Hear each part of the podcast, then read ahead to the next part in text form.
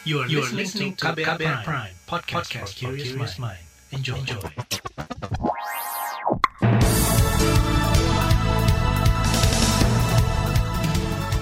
Selamat pagi saudara, senang sekali kami bisa menjumpai Anda kembali melalui program Buletin Pagi KBR edisi Rabu 14 April 2021. Bersama saya Sindu Darmawan. Sejumlah informasi pilihan telah kami siapkan di antaranya pelanggaran disiplin anggota polisi meningkat tiap tahun. MUI keluarkan fatwa vaksinasi dan tes COVID-19 saat berpuasa. Ancaman sanksi penurunan jabatan bagi PNS yang nekat mudik. Inilah Buletin Pagi selengkapnya. Terbaru di Buletin Pagi. Saudara, pelanggaran disiplin yang dilakukan anggota polisi meningkat saban tahun, baik pelanggaran pidana maupun kode etik. Pada 2019, ada sekira 2.500-an kasus pelanggaran, 600 di antaranya pelanggaran pidana.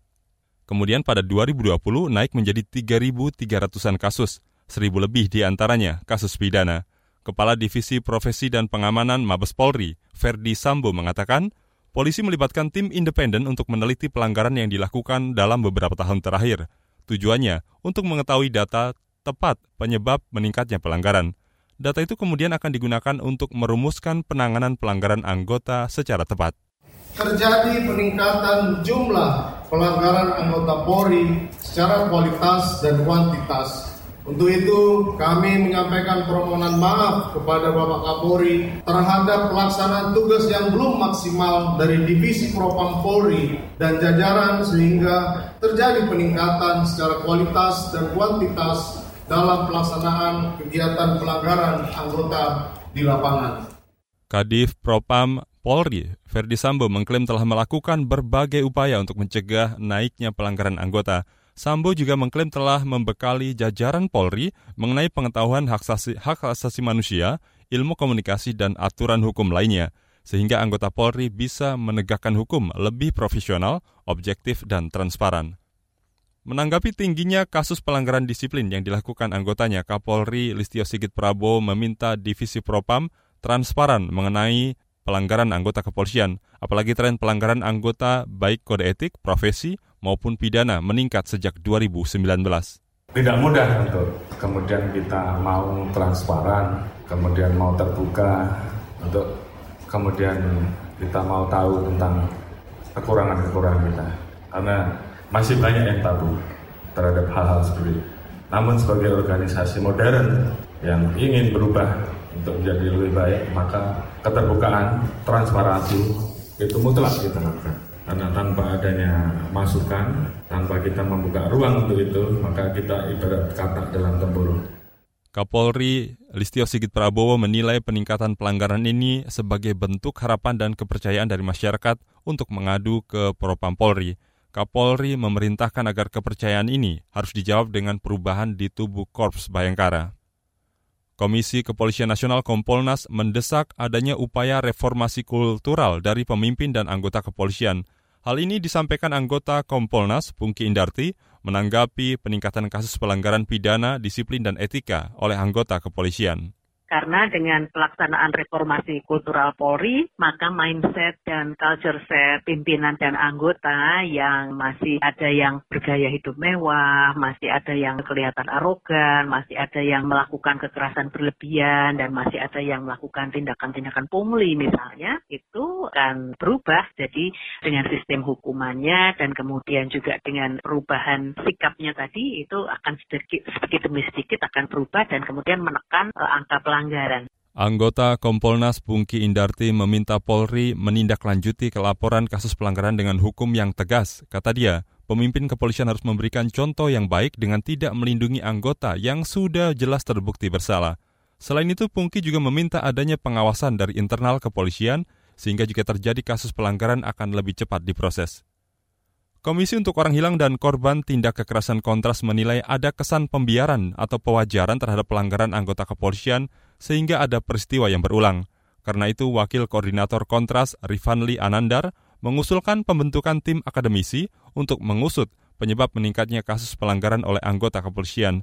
Namun ia meminta kepolisian tidak bersikap resisten terhadap kritik dari publik. Polisian itu sangat dekat dengan masyarakat, pasti ada potensi untuk melakukan kesalahan. Dan itu ketika kesalahan itu terjadi, maka kita sampaikanlah ke mereka. Penanganan aksi massa, praktik penyiksaan di rumah tahanan kepolisian, terus ada penganiayaan, penangkapan sewenang-wenang. Itu adalah hal-hal yang biasa kami kritik. Namun dari sejumlah kritik-kritik itu responnya bermacam-macam. Tapi mayoritas yang bisa kami simpulkan adalah adanya resistensi dari kepolisian itu tadi Wakil Koordinator Kontras Rifanli Anandar. Sementara itu pengamat kepolisian dari Lembaga Kajian Keamanan dan Strategi ISIS, Bambang Rukminto menilai peningkatan pelanggaran anggota kepolisian terjadi karena tidak adanya konsistensi pemberian sanksi bagi pelanggar. Bahkan menurutnya, anggota yang melanggar kerap kali malah diberi promosi jabatan usai menjalani sanksi. Ini menandakan belum adanya visi yang integral di tubuh Polri mengenai penegakan disiplin bagi anggotanya.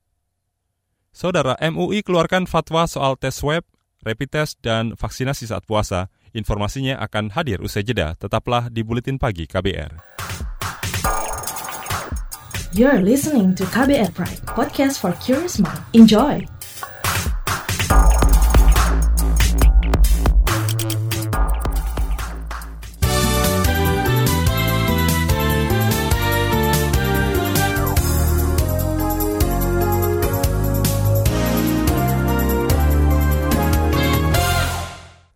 Saudara Majelis Ulama Indonesia MUI menetapkan fatwa bahwa tes swab, rapid test, hingga vaksinasi COVID-19 tidak membatalkan puasa. Karena itu MUI mengajak umat Islam tetap mengikuti vaksinasi COVID-19 meskipun tengah berpuasa. Ketua Komisi Bidang Fatwa MUI Asrorun Niam Soleh menegaskan, puasa tidak menjadi halangan melakukan vaksinasi dan tes usap, baik melalui hidung maupun mulut puasa Ramadan bukan halangan untuk melakukan kegiatan vaksinasi. Mm-hmm. Puasa Ramadan tidak menjadi halangan untuk swab test. Mm. Puasa Ramadan tidak menjadi halangan untuk menegakkan protokol kesehatan guna memutus mata rantai COVID-19. Ketua Komisi Bidang Fatwa MUI Asrorun Niam Soleh mengatakan puasa justru menjadi momentum bagi umat meningkatkan semangat memutus mata rantai virus corona, antara lain dengan meningkatkan aktivitas keagamaan dan doa agar pandemi COVID-19 segera berakhir.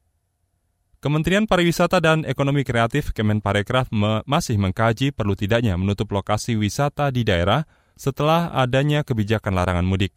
Menteri Pariwisata dan Ekonomi Kreatif Sandiaga Uno mengatakan Keputusan akan diambil setelah melakukan evaluasi. Dan kita memantau terus sampai nanti kita akan ada evaluasi dan penilaian dan keputusan dibuka atau tidaknya tempat wisata itu adalah koordinasi dengan pemerintah daerah setempat. Atas arahan sidang Kabinet Paripurna bahwa yang ditiadakan adalah mudik. Jadi kami menyesuaikan dan mengadaptasi. Menparekraf Sandiaga Uno mengatakan saat ini objek wisata lokal masih bisa beroperasi karena pengunjungnya berasal dari daerah itu sendiri.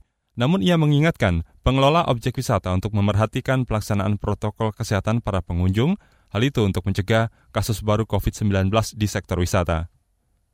Himpunan Peneliti Indonesia HIPENINDO meminta pemerintah memberikan peran yang besar dan luas kepada peneliti terutama ketika peleburan Kementerian Riset dan Teknologi Kemenristek ke Kementerian Pendidikan dan Kebudayaan Kemendikbud. Ketua Umum Hipenindo, Syahrir Ika, mengatakan peleburan harus mampu mengoptimalisasi peneliti atau periset tanah air.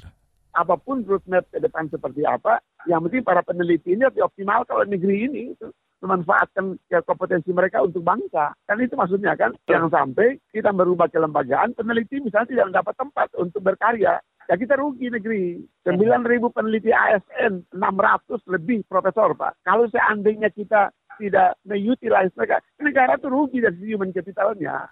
Ketua Umum Hipenindo Syahrir Ika mengakui riset dasar dalam negeri masih belum maksimal. Karena itu ia berharap penggabungan dua kementerian bisa membuat pengembangan riset dan teknologi bisa lebih maju, bukan sebaliknya. Saudara, pekan lalu, DPR menyetujui usulan pemerintah menggabungkan Kemenristek ke Kemendikbud. Penggabungan ini sesuai surat permohonan pertimbangan dari Presiden Joko Widodo. Kementerian Sosial berencana membuka data penerima bantuan sosial ke publik pertengahan bulan ini. Menteri Sosial Tri Risma hari ini mengklaim data terpadu kesejahteraan sosial DTKS yang menjadi basis data penerima bansos telah dipadankan dengan nomor induk kependudukan NIK. Uh, masyarakat bisa mengkoreksi uh, terhadap data yang ada di uh, Kementerian Sosial. Yang berikutnya adalah uh, pemerintah daerah juga bisa mengupdate karena tidak bisa data itu selamanya uh, tetap karena ada yang meninggal bahkan ada yang pindah rumah dan sebagainya yang harus terus selalu dilakukan updating data uh, tiap bulannya. Itu tadi Menteri Sosial Tri Risma hari ini. Sementara itu Ketua KPK Firly Bahuri mengapresiasi upaya yang dilakukan Kemensos terkait pemadanan dan transparasi data bansos. Menurutnya, transparasi itu bisa menjadi upaya perbaikan sistem dan sejalan dengan upaya menghentikan korupsi. Kita beralih ke berita mancanegara. Kementerian Luar Negeri Filipina memanggil Duta Besar Cina di Manila untuk menyampaikan protes atas keberadaan ratusan kapal Beijing di wilayah perairan mereka di Laut Cina Selatan. Pemanggilan Dubes Cina untuk Manila, Wang Zilian, untuk menyatakan ketidaksenangan Manila atas pergerakan kapal-kapal Cina di gugus Karang Witsun yang menjadi rebutan Beijing dan Manila. Sekitar 200 kapal nelayan Cina tertambat di gugus Karang Witsun yang termasuk dalam zona eklus, zona ekonomi eksklusif ZEE e Filipina. Selain Filipina, Vietnam juga risih dengan kehadiran ratusan kapal nelayan Cina itu. Vietnam pun telah mengerahkan kapal perang ke perairan itu untuk memantau pergerakan kapal Cina. Kita bergeser ke informasi olahraga. Tim nasional Indonesia akan menggelar pemusatan latihan atau TC sebelum pertandingan kualifikasi Piala Dunia 2022 1 Mei mendatang. Saat ini timnas Indonesia masih menyisakan tiga laga di grup G. Tim Merah Putih akan bertanding meski sudah dipastikan tidak bisa melangkah ke fase selanjutnya. Konfederasi Sepak Bola Asia AFC telah memilih Uni Emirat Arab sebagai lokasi lanjutan kualifikasi Piala Dunia untuk grup G. Indonesia akan melawan Thailand pada 3 Juni, lalu Vietnam 7 Juni, dan terakhir UEA pada 11 Juni. Dari ajang Liga Champions, Paris Saint-Germain PSG melaju ke semifinal Liga Champions meski kalah 0-1 dari Bayern Munchen di leg kedua perempat final yang digelar di Stadion Parc des Princes, Paris, Rabu dini hari tadi. Meski kalah, namun PSG unggul agregat gol tandang. Di leg pertama, PSG menang 3-2 sehingga agregat skor menjadi 3-3. Kekalahan 1-0 juga dialami Chelsea saat meladeni FC Porto di perempat final Liga Champions dini hari tadi. Meski kalah, Chelsea tetap berhak lolos karena unggul 2-0 di laga leg pertama.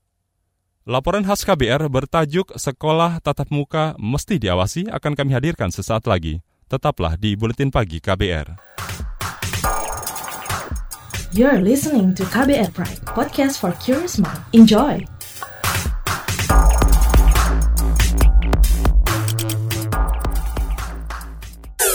Commercial break.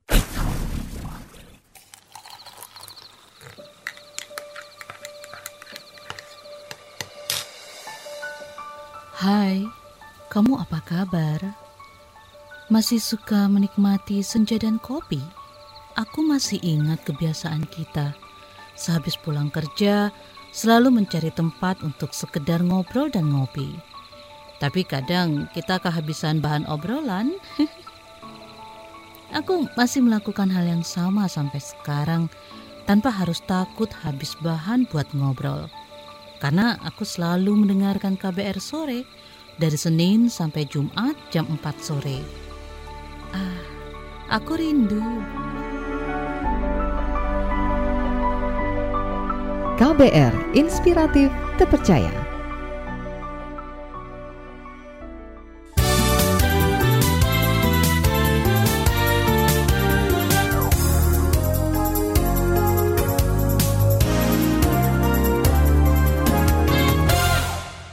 Anda masih bersama kami di Buletin Pagi KBR. Saudara Menteri Pendidikan dan Kebudayaan Nadiem Makarim mewajibkan sekolah mulai membuka opsi pembelajaran tatap muka secara terbatas mulai Juli mendatang. Namun sejumlah pihak mewanti-wanti pemerintah untuk memastikan fasilitas pendukung penerapan protokol kesehatan di sekolah agar tak memunculkan klaster baru. Berikut laporannya yang disusun jurnalis KBR Astri Septiani. Menteri Pendidikan dan Kebudayaan Nadiem Makarim memastikan pembukaan sekolah diawasi oleh pemerintah. Ia juga memperbolehkan sekolah menghentikan proses pembelajaran tatap muka jika ditemukan kasus positif COVID-19 di sekolah. Nadiem memilih opsi pembelajaran tatap muka diperluas usai tenaga pendidik mendapatkan vaksin. Pemerintah pusat, daerah, dan kanwil wajib melakukan pengawasan terhadap pelaksanaan pembelajaran di satuan pendidikan. Dan kalau berdasarkan hasil pengawasan terdapat kasus konfirmasi COVID-19, pemerintah pusat, daerah, kanwil, atau kantor kemenang, dan kepala satuan pendidikan wajib melakukan penanganan kasus dan dapat memberhentikan sementara pembelajaran tatap muka di sekolah tersebut. Jadi kalau ada infeksi di sekolah tersebut bisa dengan segera ditutup ya tatap muka terbatasnya selama infeksinya masih ada atau terjadi. Nadim juga meminta kepala sekolah dan semua pihak berpartisipasi aktif menghadapi resiko penularan COVID-19 di sekolah. Koordinasi yang baik dibutuhkan dalam pengawasan hingga penanganan kasus positif COVID-19 yang terjadi di sekolah. Anggota Komisi Bidang Pendidikan di DPR, Ferdiansyah, mendorong pemerintah melakukan pengecekan langsung ke sekolah-sekolah untuk memastikan fasilitas pendukung protokol kesehatan tersedia dan dilaksanakan dengan baik. Kemudian pemerintah daerah juga harus melakukan pengawasan ke sekolah yang siap melakukan pembelajaran tatap muka. Cek persiapan gimana. Ada nggak tempat cuci tangannya? Sudah nggak kesadaran masyarakatnya memakai masker? Sudahkah persekolahnya dipersiapkan untuk menjaga jarak? Misalnya satu kelasannya misalnya satu kelasannya maksimum 8 orang per hari dan sebagainya. Kemudian juga membantu penyiapan termasuk intervensi anggaran untuk sekolah yang belum siap melakukan pembelajaran tatap muka penyediaan tempat cuci tangan, kemudian juga masker. Kalau bagi orang-orang yang tidak mampu atau belum bisa menyiapkan maskernya secara mandiri. Anggota Komisi Bidang Pendidikan di DPR, Ferdiansyah, meminta Kemendikbud melakukan sinergi dengan Dinas Kesehatan, Dinas Pendidikan, serta pihak terkait lainnya untuk memastikan pembelajaran tatap muka berlangsung dengan aman. DKI Jakarta menjadi salah satu provinsi yang mulai menggelar sekolah tatap muka.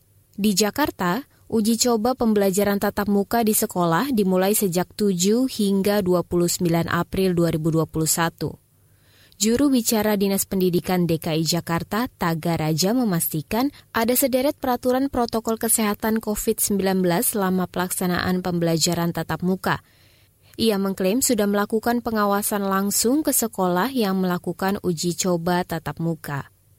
Ketika anak itu masuk ke sekolah, dipastikan siapa yang mengantar. Yeah. Lalu jika kita koordinasi dengan Dishub, itu menyiapkan 50 unit bis sekolah ah. memang mengantar jika anak-anak kita yang mengikuti PTM itu terkendala hmm. masalah angkutan. Bahkan kemarin saya waktu monitoring di SMK 16 itu rata-rata anak diantar oleh orang tuanya. Dan ketika keluar pun guru memastikan anak-anak itu sampai dengan jemputannya. Guru bukan hanya lepas seperti belajar seperti normal. Jadi hmm. ada piket.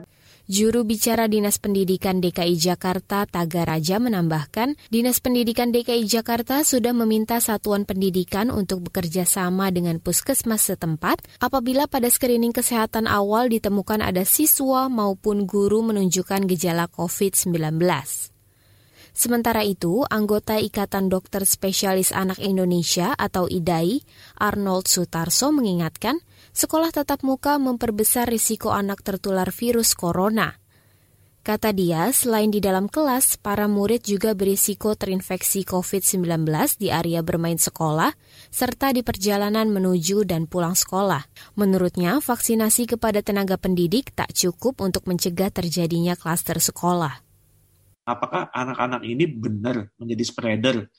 Kalau kita berkaca pada negara lain, seharusnya sih tidak. Kalau kita ngikutin ya, asal sekolahnya siap, yaitu tetap uh, pakai masker, jaga jarak, melakukan pemeriksaan tes, melakukan uh, proses desinfeksi berkala, dan tentunya ini juga menjadi hambatan uh, koordinasi sekolah dengan petugas kesehatan. Mereka koordinasi bagus ketika ada yang positif, mereka bisa melakukan karantina ataupun koordinasi untuk melakukan tes. Demikian laporan khas KBR, saya Astri Septiani. Saudara informasi dari daerah akan kami sajikan usai jeda, tetaplah di Buletin Pagi KBR. You're listening to KBR Pride, podcast for curious mind. Enjoy!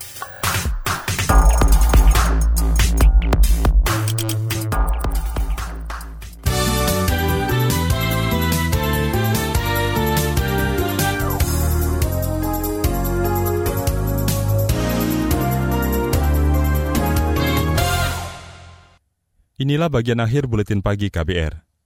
Saudara, jumlah korban meninggal akibat banjir bandang disertai tanah longsor di Nusa Tenggara Timur mencapai 178 orang.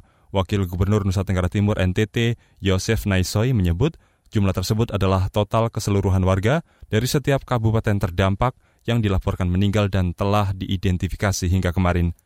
Namun dia tidak merinci total korban meninggal dari tiap-tiap kabupaten. Sementara untuk korban yang dilaporkan masih hilang sebanyak 47 orang. Saat ini ada 34 ribu warga masih mengungsi akibat bencana yang terjadi pekan lalu itu. Pemerintah kota Balikpapan, Kalimantan Timur bakal menurunkan pangkat bagi pegawai negeri sipil atau PNS yang nekat mudik dan mengambil cuti di lebaran tahun ini. Wali Kota Balikpapan, Rizal Effendi, mengatakan hal itu sesuai surat edaran Menteri Pendayagunaan Aparatur Negara dan Reformasi Birokrasi PAN-RB tentang larangan mudik PNS maupun cuti berlaku mulai 6 hingga 17 Mei 2021. Ya kita sudah ingatkan PNS mudik sesuai dengan surat edaran menteri ya tidak boleh ada mudik dan cuti begitu. Ya sanksinya ya berat itu sanksinya. Nah ya pasti kena sanksi. Ya risikonya berat sudah pokoknya itu penurunan pangkat sangat rugi lah kalau itu dilakukan. Wali Kota Balikpapan Rizal Effendi juga melarang masyarakat menggelar sahur di jalan atau sahur on the road jika warga nekat maka akan dibubarkan petugas keamanan. Ini dilakukan demi mencegah penularan COVID-19. Dari Jawa Tengah, Dinas Perhubungan setempat menyiapkan sejumlah cara untuk menindaklanjuti kebijakan larangan mudik lebaran tahun ini, antara lain dengan mendirikan posko bergerak atau mobile posko. Menurut pelaksana tugas Kepala Dinas Perhubungan Jawa Tengah, Henggar Budi, posko itu untuk mengantisipasi warga yang nekat mudik pelarangan mudik di 2021 ini. Kita ada skenario tiga cara. Jadi yang pertama adalah pralarangan.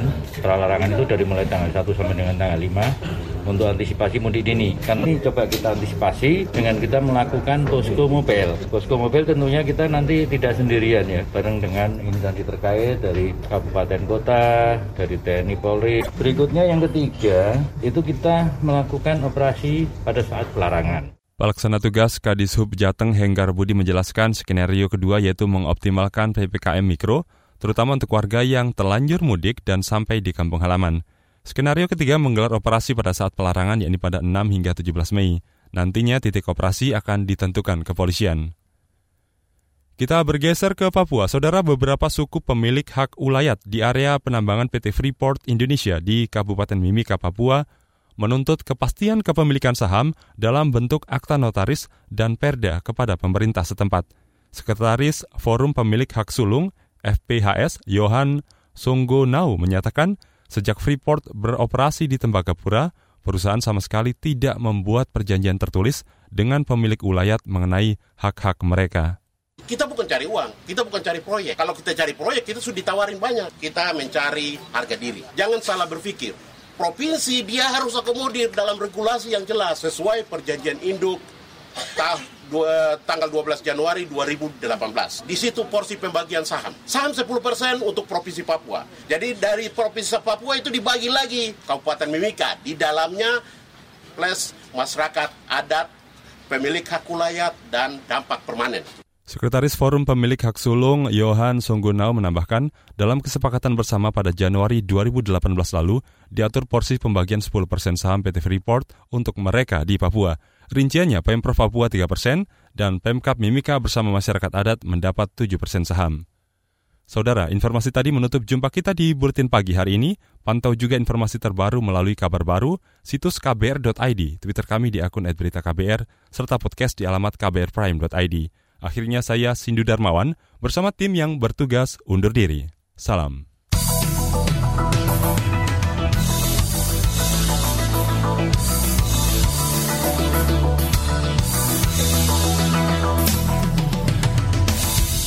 KBR Prime, cara asik mendengar berita. KBR Prime, podcast for curious mind.